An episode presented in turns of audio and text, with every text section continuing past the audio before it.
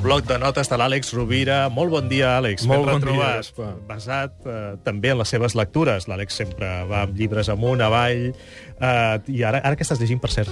Doncs eh, de debò et dic que tinc a la tauleta de nit l'art de viure d'en Gaspar Hernández. Això no estava preparat. No, L'Àlex m'ha dit. No, Diu, el vaig llegir, "Estic aquest, llegint". el vaig llegir aquest, aquest estiu, i ara que ja estem a la tardor, um, i a mi normalment m'agrada llegir um, dos o tres llibres alhora, perquè per la meva manera de fer i de ser em distreu. M'agrada ara passar amb un i amb un altre. I l'art de viure que vas escriure, que és uh, una recopilació, una antologia de, de cites i aforismes, és deliciós. Moltes gràcies. I aleshores el teu llibre el que faig és obrir-lo a l'atzar i llegir-lo. I, de fet, l'apunt d'avui volia que anés sobre això. Doncs t'ho agraeixo mm, i per mi també és un honor que, que l'esmentis. Moltes gràcies, Gaspar. De fet, la proposta d'avui del bloc de notes és um, escriure la teva, antologia, la, la teva antologia única i personal.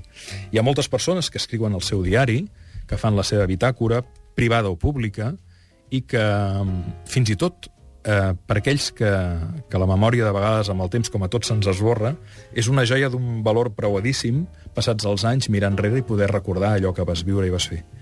En aquest cas no seria un diari, sinó l'antologia, és a dir, allò que has escoltat, ja sigui dels teus fills, aquelles frases que passen els anys i diem què, és el que deia i com ho deia que ens feia tanta gràcia, però que ja no ens n'oblidem. Apunta-ho.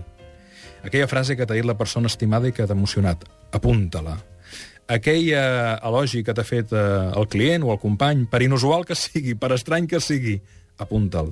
Aquella frase, per suposat, que has llegit, aquell poema, aquella cita que has vist en una pel·lícula i que t'ha posat la pell de gallina, La que has sentit per la ràdio. la que has sentit per la ràdio, apunta la teva antologia.